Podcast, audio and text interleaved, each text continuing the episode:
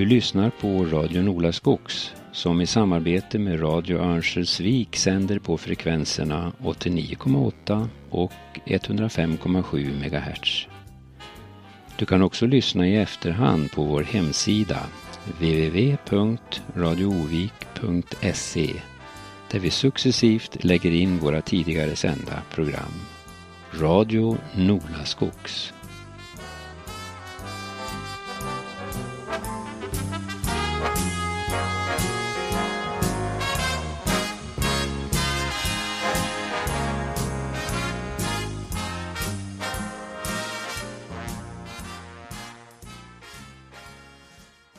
Hej, jag heter Katarina Hägg och är ordförande i Örnsköldsvik Framtidens akutsjukhus. Jag har arbetat inom vården i drygt 40 år. Vår förening startade i november 2016 och är politiskt och religiöst obunden. Vi har cirka 500 medlemmar. Vi har ett nära samarbete med föreningen Sollefteå Framtidens akutsjukhus men är två fristående föreningar. Föreningen arbetar för tre fullvärdiga akutsjukhus i länet och det innefattar akutmottagning, akut kirurgi, akut ortopedi och akut kvinnosjukvård. Här ingår även elektiv vård inom kirurgi, ortopedi, kvinnosjukvård, BB-förlossning, barnsjukvård, öron och ögonsjukvård, psykiatri, intensivvård, medicin, röntgen, labb och dialys. Tillsammans med föreningen i Sollefteå har vi tagit fram ett fempunktsprogram där vi kommer att presentera dessa punkter för alla politiska partier och där parti partierna får svara om de tänker följa programmet eller inte. Punkt nummer ett är en ny ledningsorganisation. Från föreningarna kräver vi ett lokalt ledarskap och en lokalt förankrad styrning för alla tre sjukhusen i länet. Skrota länsklinikerna. Vid punkt två föreslår vi vid tre fullvärdiga akutsjukhus inom regionen. Precis som Socialdemokraterna dyrt och heligt lovade i förra valet och där Sollefteå återstartar och att planerna på att reducera den akuta kirurgin i Evik skrinläggs.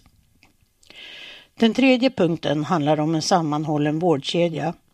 Det innefattar sjukhusvård, primärvård och kommunal vård och där Region Västernorrland arbetar tillsammans med de tre olika kommunerna i länet.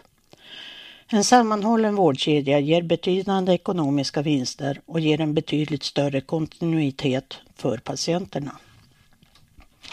Vår fjärde punkt handlar om kompetensutveckling och personalsatsningar. Personalsatsningar är A och O för att komma till rätta med de stora vakanser som finns inom regionen. Vi har landets dyraste stafettkostnader. Summan uppgick i fjol till dryga 530 miljoner för hela länet. Vi föreslår intensifierade insatser för att förbättra vårdens arbetsmiljö och löner samt satsningar på kompetensutveckling, gärna i samarbete med Norrlands universitetssjukhus. Den sista punkten handlar om översyn av den centrala administrationen.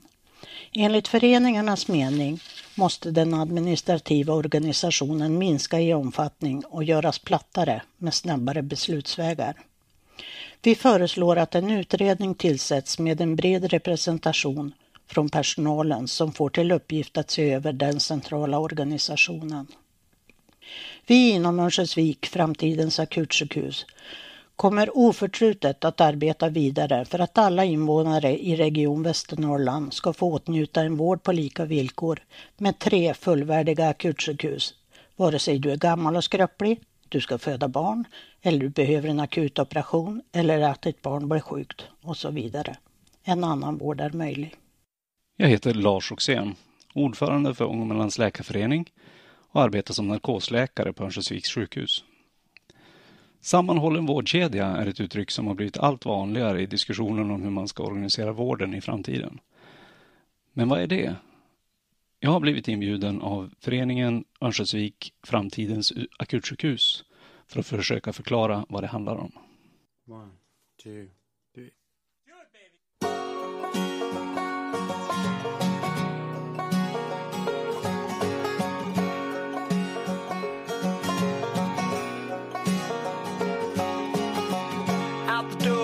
just in time. Head down the 405. Gotta meet the new boss by 8 a.m. The phone rings in the car. The wife is working hard. She's running late tonight again. Well, I know what I've been told. You gotta work to feed the soul.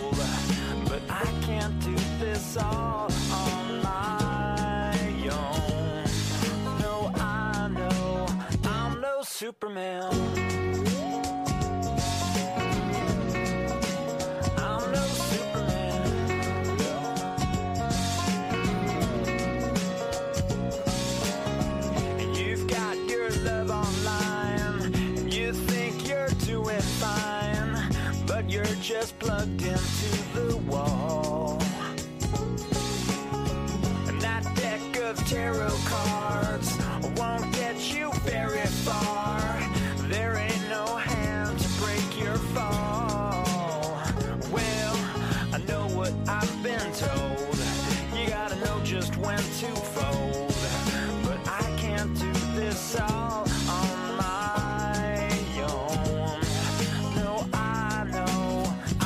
Superman.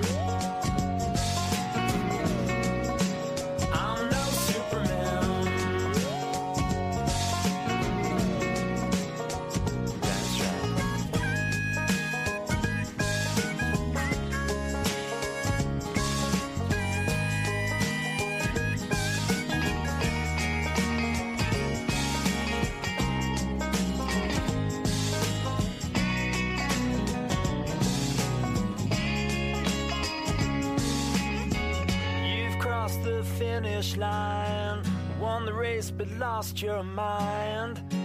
Was it worth it after all?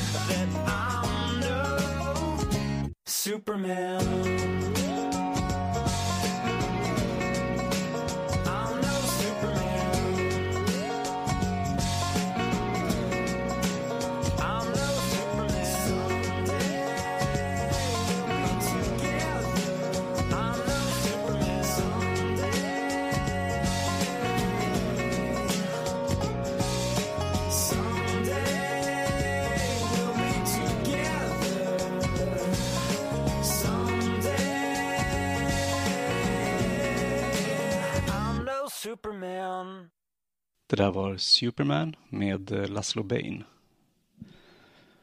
Dagens vårdorganisation är relativt komplex. Och för att förstå resonemangen behöver man lite kunskap om hur allt fungerar just nu. Vården är uppdelad i flera olika delar. Kommunal omsorg, det vill säga hemtjänst, trygghetsboende och stöd till invånare med särskilda behov. Sen finns primärvård, det vill säga hälsocentralerna, som också har det medicinska ansvaret för äldre som bor på kommunens boenden. Slutligen finns specialistvården som består av sjukhusens vårdavdelningar, akutmottagningen, men också specialistmottagningarna på sjukhusen. I nuläget är det här tre separata organisationer, men för att komplicera ytterligare styrs de kommunala delarna av verksamheten politiskt och med tjänstemän från kommunen, men resten styrs via regionfullmäktige med politiker från hela länet och med tjänstemän som har sina kontor i Härnösand. Specialistvården har ytterligare eh, splittrat upp vården i 19 olika länskliniker som styr varsin del av sjukhusvården inom sitt stuprör över hela länet. Ett typexempel är en patient som råkar bryta höften. Den olyckliga och förmodligen smärtsamt plågade patienten kommer in med ambulans till akuten.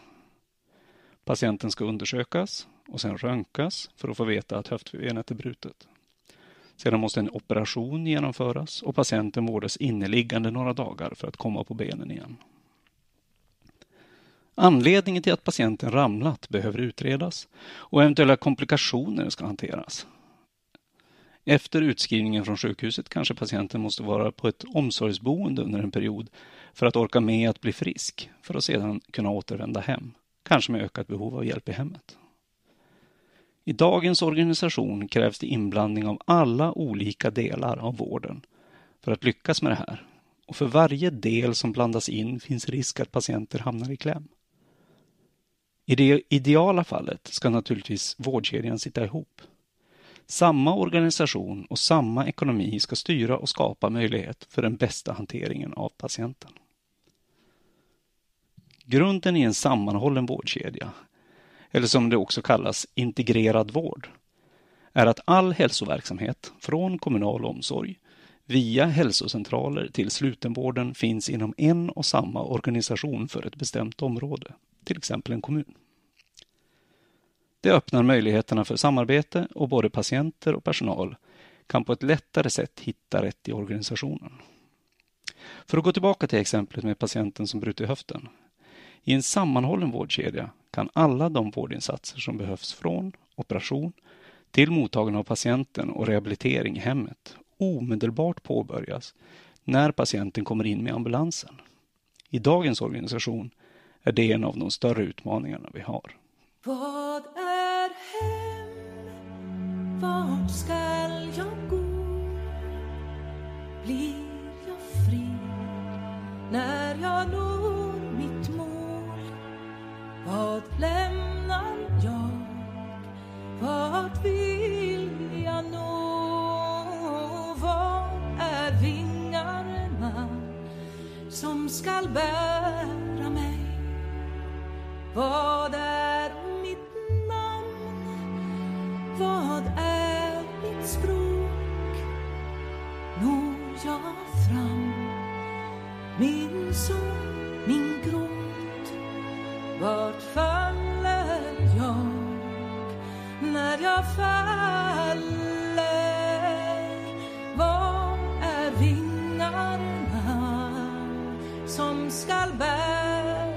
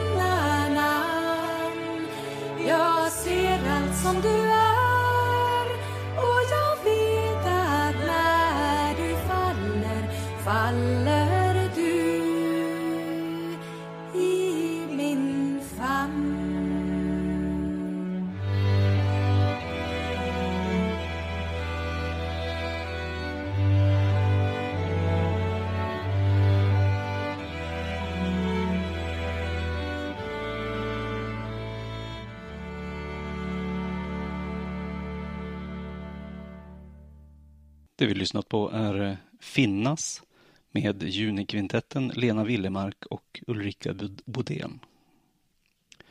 När man bygger den framtida vården behöver man först fundera på vem vården är till för. Vården är inte till för att chefer, läkare och sköterskor ska ha jobb. Och inte heller för att politiker ska ha något att bråka om. Vården är naturligtvis till för patienterna, det vill säga alla de som bor i samhället. Det har sagts att man är beredd att åka långt till det som görs sällan.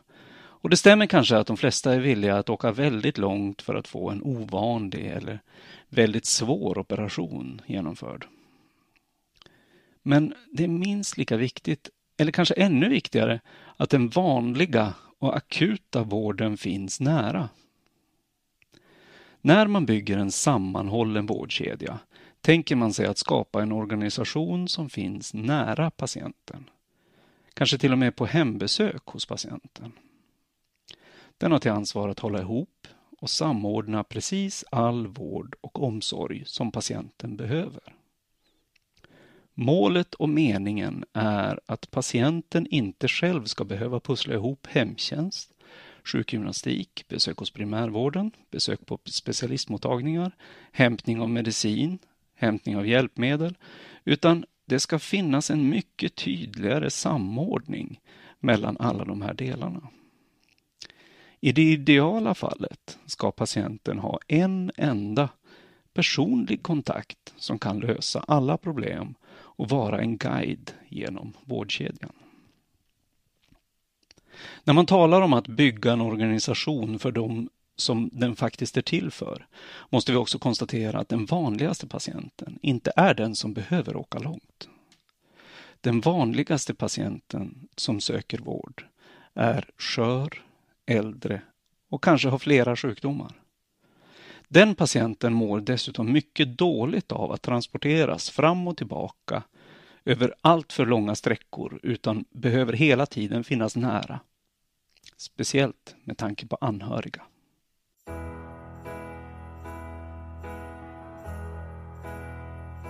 I sit and wait. Does an angel contemplate my fate? And do they know the places where we go when we're gray and old? Cause I have been told that salvation lets their wings unfold. So when I'm lying in my bed, thoughts running through my head, and I feel that love is dead, I'm loving angels instead. And through protection, of love and affection, whether I'm right or wrong, and down the waterfall, wherever it may take me. I know that life won't break me when it comes to call. She won't forsake me. I'm loving angels instead. When I'm feeling weak and my pain walks down a one-way street, I look above and I know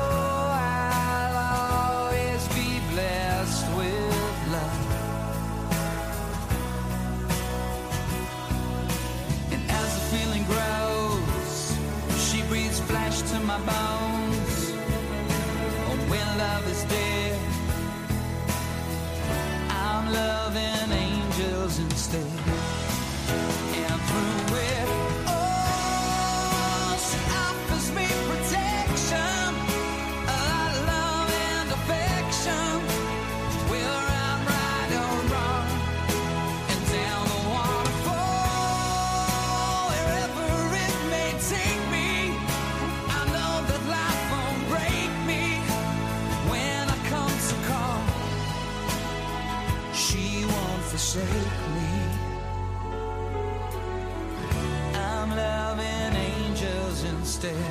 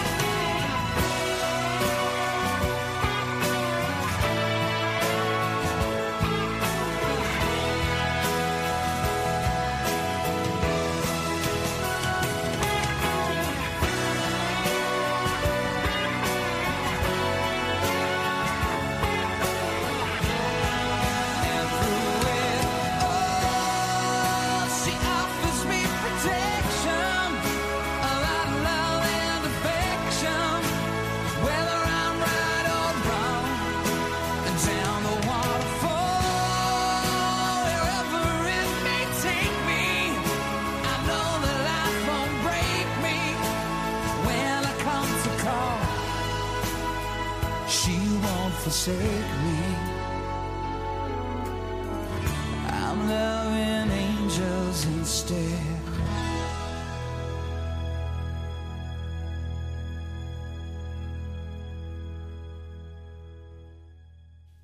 Det var Angels med eh, Robbie Williams. Det här kanske låter väldigt bra med en, eh, en sammanhållen vårdkedja, men hur är det då meningen att det här ska åstadkommas? För oss som arbetar inom vården är det vanligt att bli frustrerad när patienter ramlar mellan stolarna i glapp mellan delar av organisationen. Alla som arbetar vill göra sitt bästa för patienterna, men ibland går inte det för att lösningen finns i en helt annan del av vårdkedjan. Mellan de här delarna i organisationen tappas fokus på patienten bort och det handlar mer om att flytta problem till någon annan istället för att faktiskt lösa dem för att slippa ta de kostnader det innebär. I en sammanhållen vårdkedja är meningen att glappen i organisationen tas bort och att personalen kan ta direkt kontakt med den resurs som krävs för att lösa patientens problem. En organisation som har ansvar över allt från hemtjänst via medicinutdelning till ett ansvar för patienter Eh, som behöver mer avancerad vård har möjlighet att arbeta bort de hinder som idag finns med den fragmenterade organisationen. Det gör att personalen får möjlighet att dela både erfarenheter och kunskaper, men också verktygen som behövs för att lösa de problem som uppstår. I det ideala fallet ska den första vårdpersonal som träffar patienten, kanske redan i hemmet, kunna använda videosamtal för att ta kontakt med till exempel med patientansvarig läkare eller sköterska som omedelbart gör det som krävs för att lösa patientens problem. Det kan handla om en medicinändring, det kan handla om ändring på hemtjänst eller till och med förberedelse för vård på sjukhus, om det är nödvändigt. Vård är en komplex verksamhet som är under ständig utveckling och förändring. Organisationen behöver finnas för att ta tillvara de möjligheter som finns med utveckling inom medicin och teknik. Dagens struktur med beslut långt bort från verksamheten är alldeles för tröga för att ha möjlighet till att fatta de snabba beslut som krävs. Ledningsgruppen bör istället hållas liten och består optimalt av enbart de nyckelpersoner som representerar delarna i vårdorganisationen. Målet med en sammanhållen vårdkedja är att ledningsgruppen ska ha möjlighet att lyfta de problem som finns och via en snabb beslutskedja genomföra alla förändringar som behövs för att underlätta för personalen. Dagens organisation bygger på att patienten transporteras till allt högre grad av specialistvård. Hela organisationen är byggd så att ingen har helhetsansvar utan alla har bara inblick och ansvar för sin lilla del av patienten. De här transporterna och subspecialiseringen är en av anledningarna till att vi ser massiva överbeläggningar på större sjukhus med ett otroligt lidande för både patienter och personal. Målet med en sammanhållen vårdkedja är att lösa de allra flesta problem som uppstår för en patient utan att patienten behöver transporteras. Kanske inte ens lämna sitt eget hem. Det skapar en bättre vård för både patienter och personal.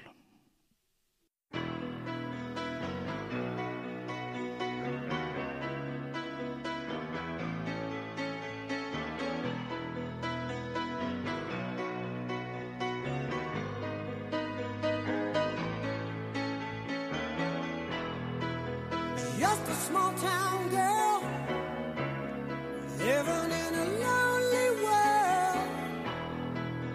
Just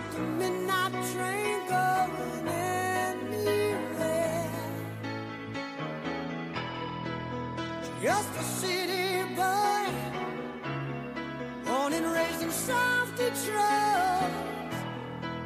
He took the midnight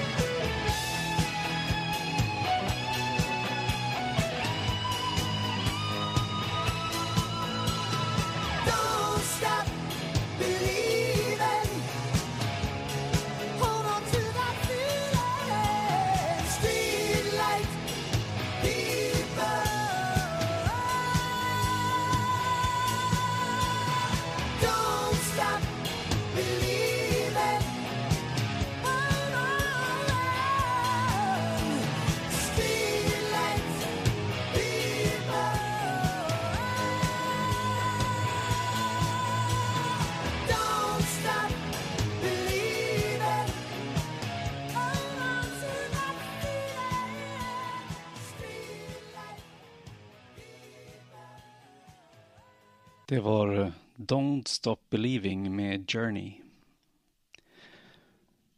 Det har visats i många studier att eh, de allra flesta i Sverige är tillräckligt friska för att inte behöva någon sjukvård överhuvudtaget. I själva verket handlar det om att eh, mindre än 5% av befolkningen behöver närmare hälften av alla resurser. Och upp till 80% av kostnaderna står människor med kroniska sjukdomar för. Dagens organisation är indelad efter specialiteter som utvecklats under de senaste hundra åren, men är helt inriktad på det som kallas för sällanhändelser och specialiserad vård. Organisationen riktar sig inte mot de vanliga patienterna utan de vanligaste patienterna uppfattar ofta att de tappar bort sig istället. Målet med en sammanhållen vårdkedja är att istället göra organisationen betydligt mycket mer effektiv för våra vanligaste patienter för att minska både dubbelarbete och köer. Med ett snabbt omhändertagande minskar man patientlidande och både patienter och personal känner sig trygg med den vård som ges. Därför finns det även mycket ekonomiskt att vinna på att förändra till den här typen av organisation. Allt det jag talat om kanske naturligtvis eh, uppfattas som guld och gröna skogar, men naturligtvis finns det också utmaningar. Den kanske största och mest problematiska är styrningen. Den politiska strukturen är idag uppdelad, som jag har beskrivit, i kommunal omsorg och landstingsdriven vård i två separata politiska organisationer. Det gjordes i och med ädelreformen som genomfördes 1992. Sedan dess styrs delar av vården från kommunfullmäktige och andra delar styrs från regionfullmäktige. Det här är en utmaning som politikerna behöver lösa. Det är inte på något sätt omöjligt, utan det finns tydliga exempel på hur man kan skapa en beställarnämnd bestående av representanter från kommun och region som tillsammans beslutar om inriktningen för verksamheten. Det andra som behöver lösas är naturligtvis den nuvarande organisationsformen, där regionledningen i nuläget har organiserat sig centralt och finns inte på plats ute i verksamheten. Vården behöver en lokal verksamhetsledning som kan utveckla och stötta och leda vården för våra vanligaste patienter. Vårdpersonalen förstår styrkan i den här typen av organisation och är inget hinder för utveckling. Snarare finns det en stor vilja att göra det lättare och bättre för patienter och personal att hitta i vården. Sammanhållen vårdkedja är en möjlighet och en styrka i en framtida vårdorganisation. Den här förändringen mot sammanhållna vårdområden är ju inget unikt för Västernorrland, Norrland eller eh, någon del av Sverige. Utan det pågår en eh, utredningar och det pågår undersökningar om hur man ska organisera vården i framtiden. Initialt så började det med en utredning gjord av Göran Stiernstedt eh, som hette Effektiv vård. Där visar det tydligt att eh, vården i Sverige är alltför sjukhustung och att primärvården behöver stärkas. Det är ju ingenting unikt och ingenting märkligt att att eh, vi i Västernorrland behöver även eh, ta tag i de situationerna med eh, stora vakanser inom primärvården och en överbelastad sjukvård. Den har fortsatt med en utredning med Anna Nergård som riktar in sig mot problematiken med den nära vården, precis det jag har beskrivit. För bara några veckor sedan under sommaren så har även sjukvårdsminister Annika Strandhäll även uttalat sig om eh, att eh, det här är en riktning som samtliga landsting och regioner i Sverige behöver ta. Vi behöver hitta lösningar för den nära vården. Vi behöver hitta lösningar som gör att patienterna hittar och där personal känner sig trygga och kan ge en bra vård. I sitt uttalande så pratade hon om eh, ett, en verksamhet i Skottland där man har tagit det här ännu lite längre. Där har man aktivt tag, satt hemmet i centrum för hela välfärdsorganisationen. Och runt om hemmet så finns alla de delar som behövs för att man ska ha en trygg välfärdsorganisation. Där ingår brandförsvar, polis, utbildning men också sjukvård. Och alla delar arbetar tillsammans, för det är tillsammans med alla de delarna som vi kan ha en, en bra hälsa i befolkningen.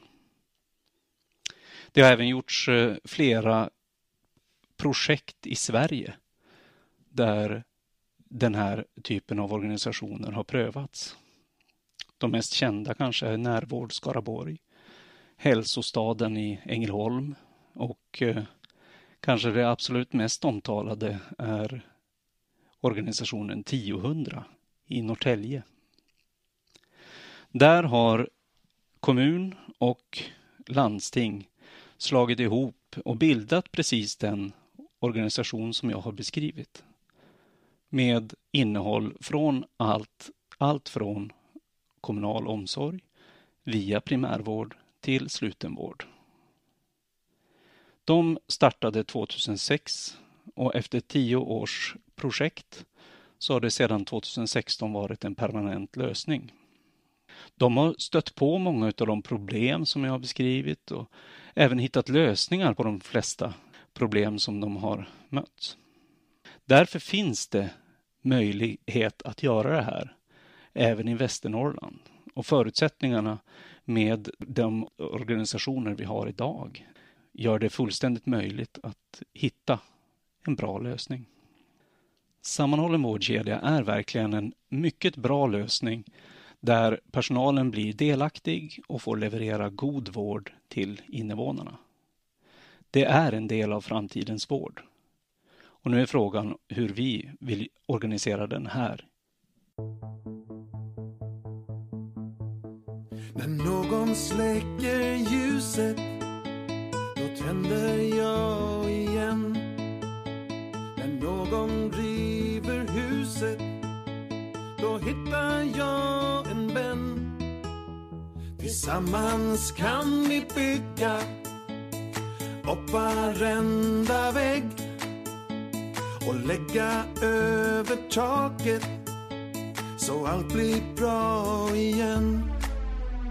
När någon kväver drömmar och suddar bort allt hopp. Då någon bryter ner, där kan vi bygga upp. Tillsammans finns det styrka att se miraklets makt. Och vi kan bli större än ord som någonsin sagts. Det finns ingen dag som är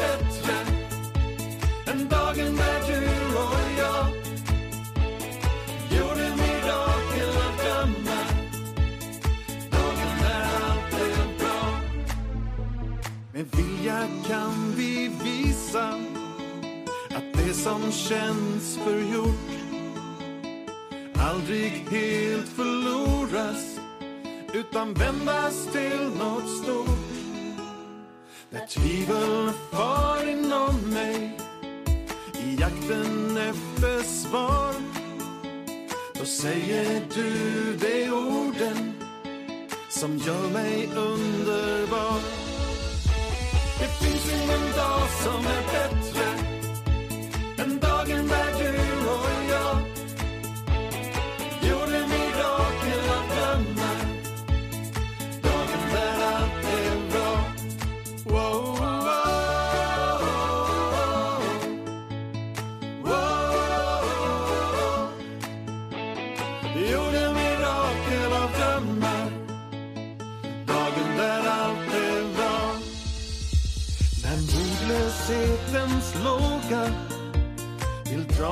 ner i dyn då sträcker vi på halsen och blickar upp mot skyn. Och svaghet kan bli vår styrka och lyfta vingeslag att sväva utan hämning mot en bättre dag.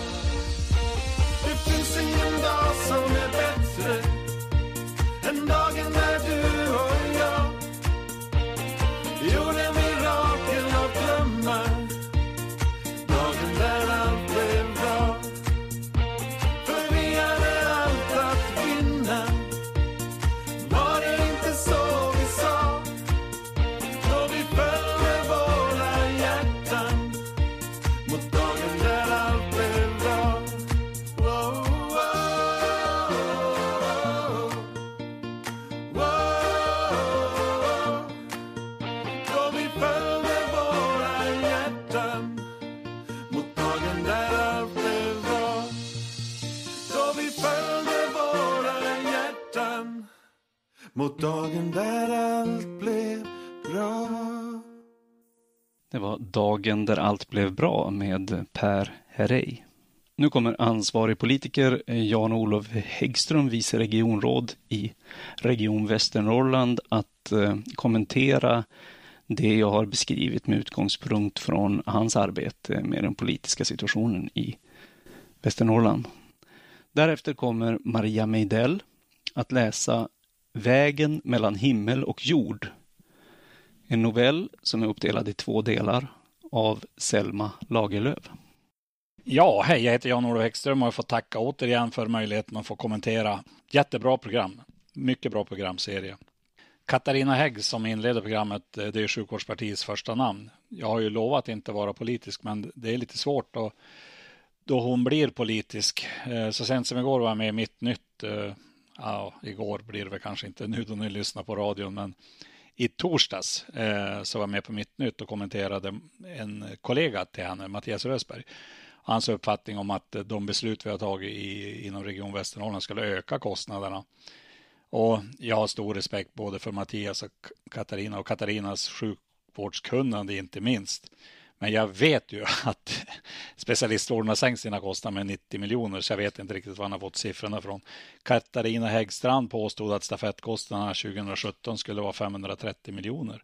Eh, nej, det är de ju inte. Det är bara att titta i bokslutet, de är på 440. Katarina är duktig på sjukvård. Eh, så. Eh, Lars Roxén, eh, jag har stor respekt för hans sjukvårdskunnande också, självklart. Och han kan jag hålla med om i mångt och mycket i hans inlägg. Eh, han har ju ett patientperspektiv och det har jag också. Och självklart ska vi ha en sammanhållen vårdkedja. Något annat är fullkomligt främmande för mig. Däremot vilken organisationsform vi ska ha, om det ska se ut som idag eh, med någon form av gemensam överenskommelse eller om vi ska ha någon annan modell, det vet jag inte, men det håller vi på att titta på. Eh, när det gäller en länsklinikorganisation som sådan då, så var ju Sjukvårdspartiet ett av de partier som var med och la fram det förslaget. Eh, och vi har utvärderat den i våras och kommit fram till att den måste reformeras. Eh, och det arbetet pågår ju att för, eh, ta fram en utredning vad som måste förändras för att få den att fungera. Eh, för det finns eh, bitar som inte har fungerat så bra, självklart. Så att eh, Lars eh, håller jag med om i mångt och mycket. Eh, Katarina, eh, när det gäller sjukvården, bra, hon kan den. Eh, när det gäller det övriga så är det nog bra om man har kort minne. De beslut vi var tvungna att ta nu då, juni 2016, det berodde ju bland annat på ett enormt underskott som Sjukvårdspartiet var med om att skapa 2010 till 2014 på 223 miljoner. Kostnaden för stafetter, där är vi överens, de måste ju ner. Stafetter är ju rent generellt inget bra. De förlänger eh, vårdkedjan. Det blir ingen kontinuitet. Så stafetter ska bort. Eh, de dubblerades från 2010 till 2014 då Sjukvårdspartiet var med och styrde. Men bortsett från det så stor respekt för Katarinas sjukvårdskunnande. Lars och jag, vi träffas ju emellanåt och vi är överens om väldigt, väldigt mycket. Lars är ju då ordförande i Ångermanlands läkarförening. Ja, jag vet inte vad jag ska säga mycket mer än att tacka för en jättebra programserie. Otroligt. Det känns jättebra att sjukvården har fått ett fokus i årets val. Eh, det förtjänar sjukvården. Jag vill passa på att tacka all personal som jobbar åt Region Västernorrland som gör ett fantastiskt jobb. De flesta politiker eh, kan jag vara solidarisk med. Det finns ett parti i regionen som jag har väldigt svårt att förlika mig med beroende på deras människosyn. Men i övrigt så tack för mig. Eh, Erik har lovat att jag ska få spela en liten skiva så jag tänkte passa på att välja en av mina absoluta favoriter, Home Free, eh, Everything Will Be Okay. Ha det bra!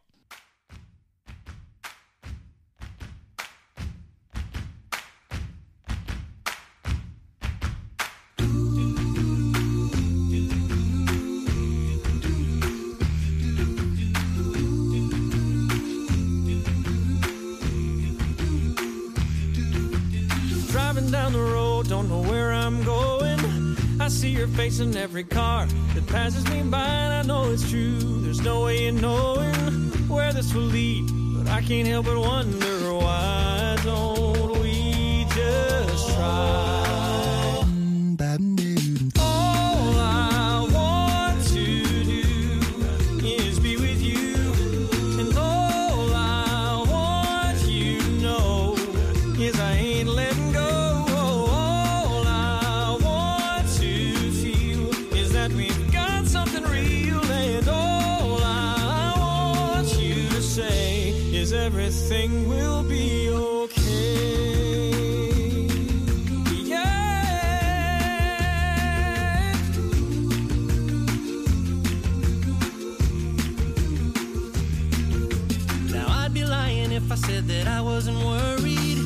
Told myself that I would never fall again. And I'm sure you'll call, but I wish you'd hurry.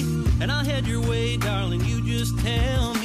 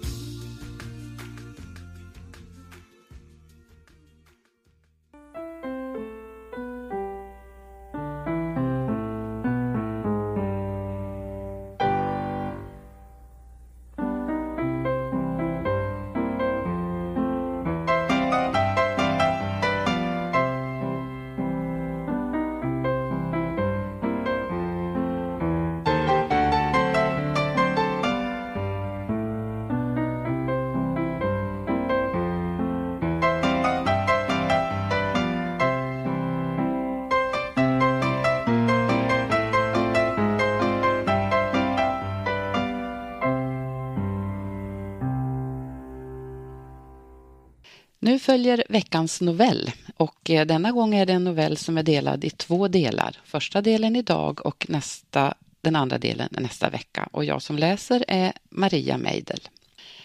Selma Lagerlöf skrev sin debutroman Gösta Berlings saga 1891.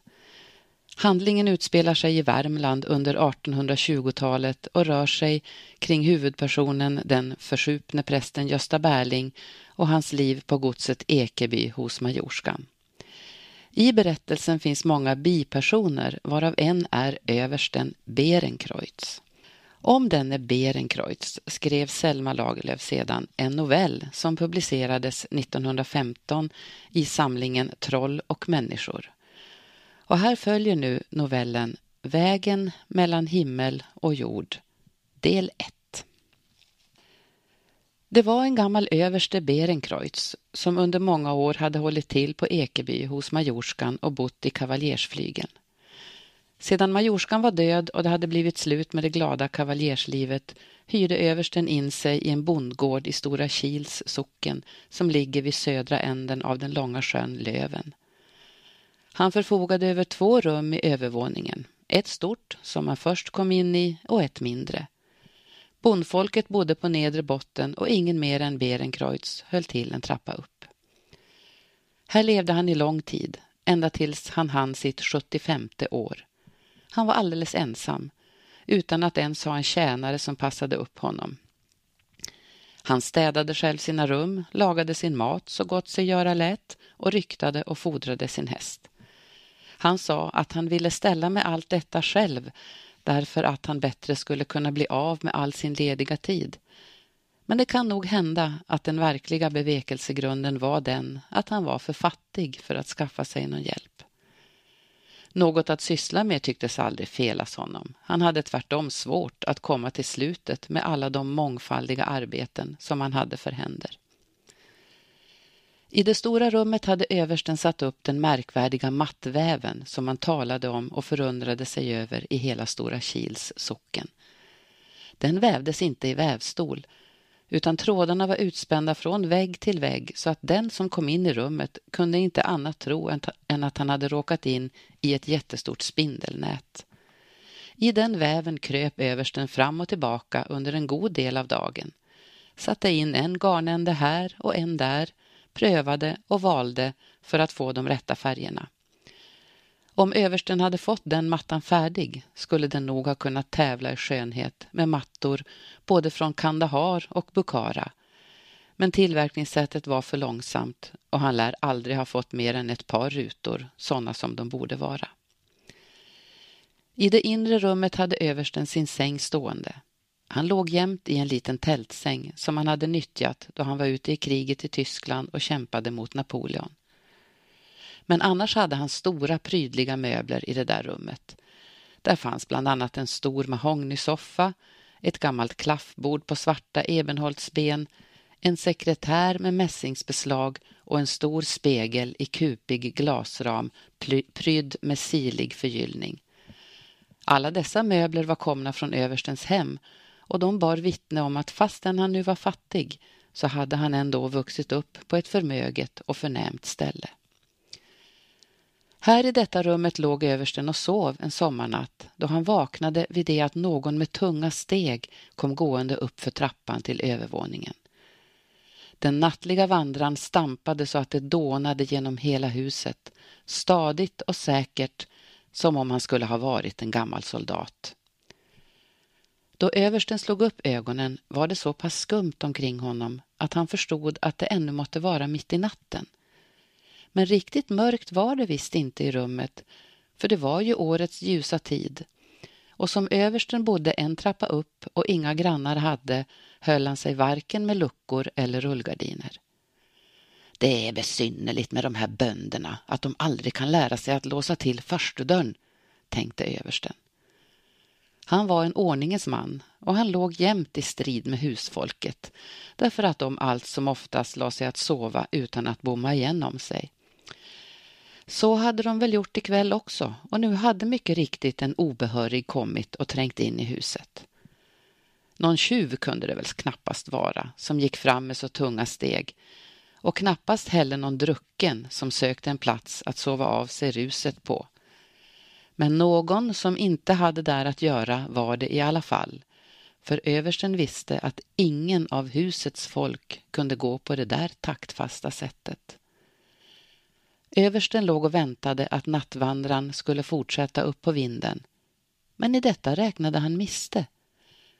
Så snart de tunga stegen hade kommit upp för trappan marscherade de fram till hans egen dörr och han tyckte sig till och med höra att nyckeln vreds om i låset. Ja, det där kan du roa dig med så mycket du vill, tänkte översten. Det har du ändå inte mycket för. Han visste förstås att han förra kvällen hade stängt sin dörr med både krok och hasp. Just därför att förstedörren i nedervåningen nästan aldrig var reglad var översten noga med att det skulle vara ordentligt stängt uppe hos honom. Men nu hörde han till sin stora häpnad att den främmande kastade upp dörren så lätt som om den skulle ha varit fäst med en ullgarnsände och klev in i arbetsrummet. Det var där som den stora mattväven var utspänd och det var ingalunda lätt att vandra genom det, framför allt nu då rummet låg i halvmörker. Nu kommer den där rackaren att trassla in sig i mattväven och ställa till en förfärlig oreda, tänkte översten och var just i färd med att springa ur bädden och köra ut karn.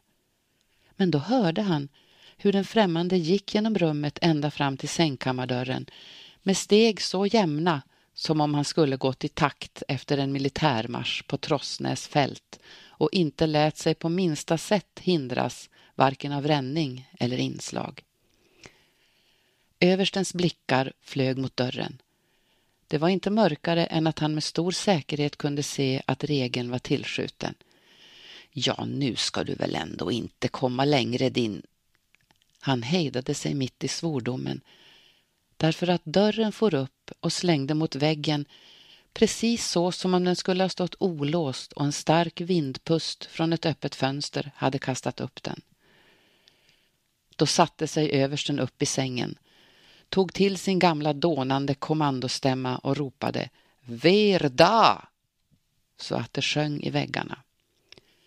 Än en gång var han färdig att rusa ur sängen för att visa ut den främmande men han blev så slagen av förvåning att han blev sittande stilla.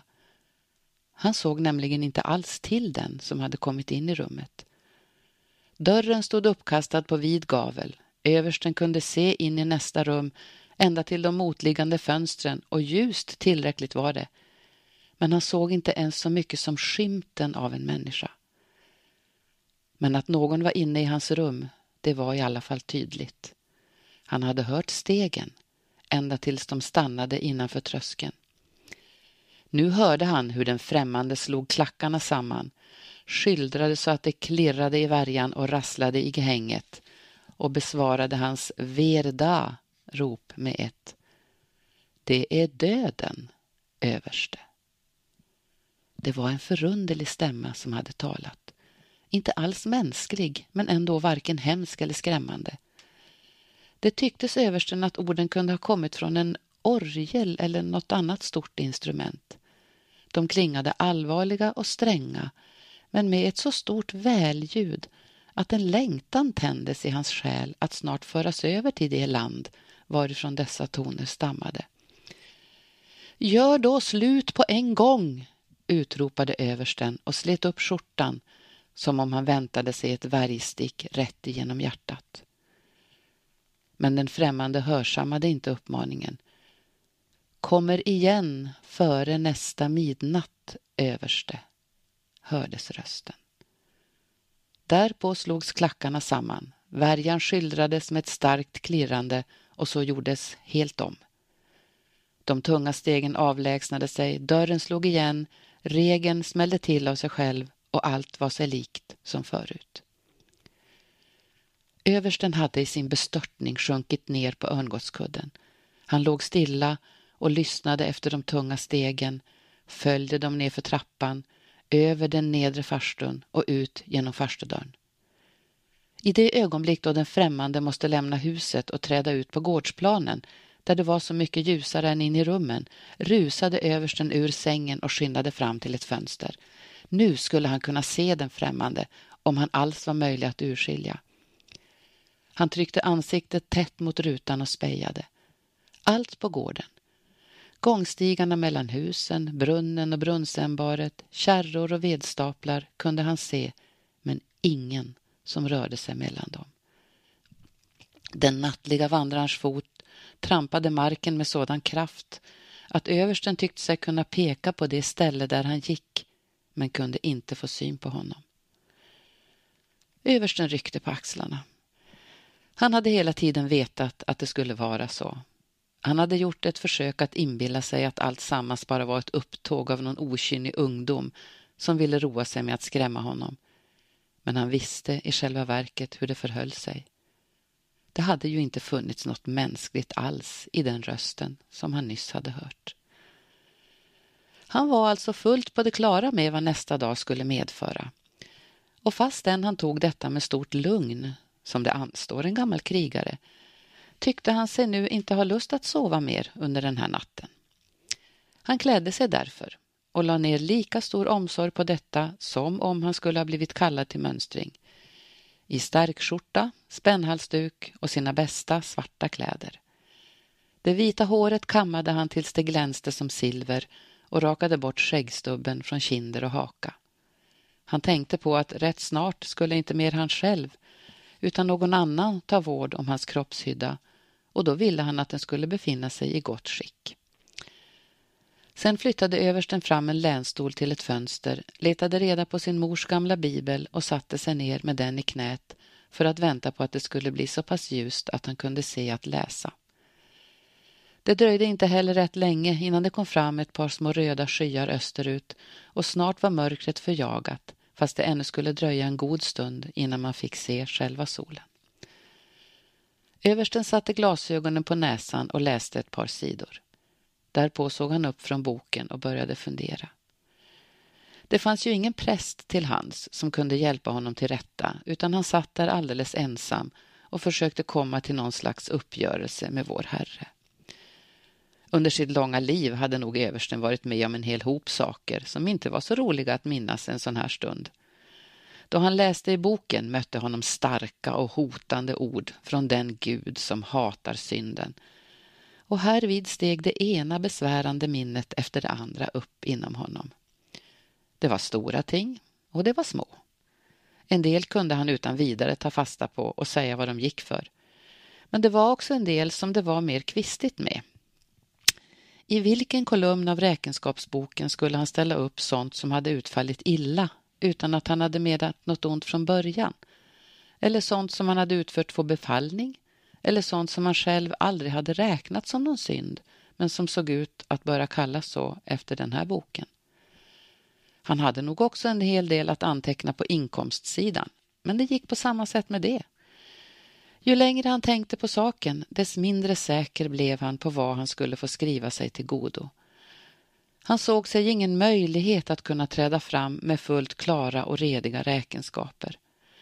Och som översten var en stolt och ärlig man så våndades han över skammen att nödgas visa sig inför sin skapare som en otrogen gårdsfogde och inte kunna göra rätt för sig. Han blev allt mera dyster och missmodig ju längre han fortsatte med sin självransakning. Det kom en becksvart och iskall flod av synd och ömklighet och sköljde över honom. Han höll alldeles på att förlora humöret och det var det sista som han ville bli av med på en sådan dag. Under detta hade emellertid himlen ljusnat allt mer och mer och rätt som det var kom då första solstrålarna ilande och förgyllde de svarta bokstäverna i överstens bibel. Då höjde gubben huvudet och blickade mot öster där det stora solklotet rullade upp på himlen glänsande och majestätiskt och tog världen i besittning. Och inför det skådespelet måtte han på ett eller annat sätt ha kommit till insikt om att han snart skulle möta ett väsen av så underbar härlighet att det inte var honom möjligt att mästra det eller begripa det. Han som vältrade fram solen på dess bana, han var en som inte räknade så som vi räknade och inte mätte så som vi mätte. Det var inte lönt att sitta här och ängslas och förfäras. Allt skulle komma till korta inför honom som var kraft och ljus och rikedom och behag och glädje och under. Översten slog ihop boken, reste sig upp och la knytnäven på den. Dig kan jag inte komma till rätta med, sa han. Men det går kanske lättare att göra upp saken när jag kommer till kungs än då jag försöker i underrätten. Därmed flyttade sig översten med återvunnet själslugn fram till skrivbordet, tog fram papper och penna och tecknade upp hur han ville att det skulle ordnas med hans begravning. Likaså ställde han om att hans gamla häst skulle bli skjuten och att den som lossade av skottet skulle få en liten silverbägare för besväret. Han gjorde också upp sina räkenskaper, antecknade vad han ägde och vad han var skyldig och bestämde vem hans, vem hans möbler och husgeråd skulle tillfalla. Det mesta skänkte han till en liten flicka, yngsta barnet i gården där han bodde. Det barnet hade alltid visat översten stor kärlek och velat sitta inne i rummet hos honom då han arbetade. Det var detta som han nu ville gälda, så gott han förmådde. Innan allt var nerskrivet och förordnat gick klockan redan på åtta och därpå hade översten sina vanliga morgonsysslor att sköta. Han städade rummen, skötte om hästen och lagade sin frukost. Men då det led mot tio var han färdig med allt sammans och sedan var han ledig att göra vilket bruk han behagade av denna sin sista dag.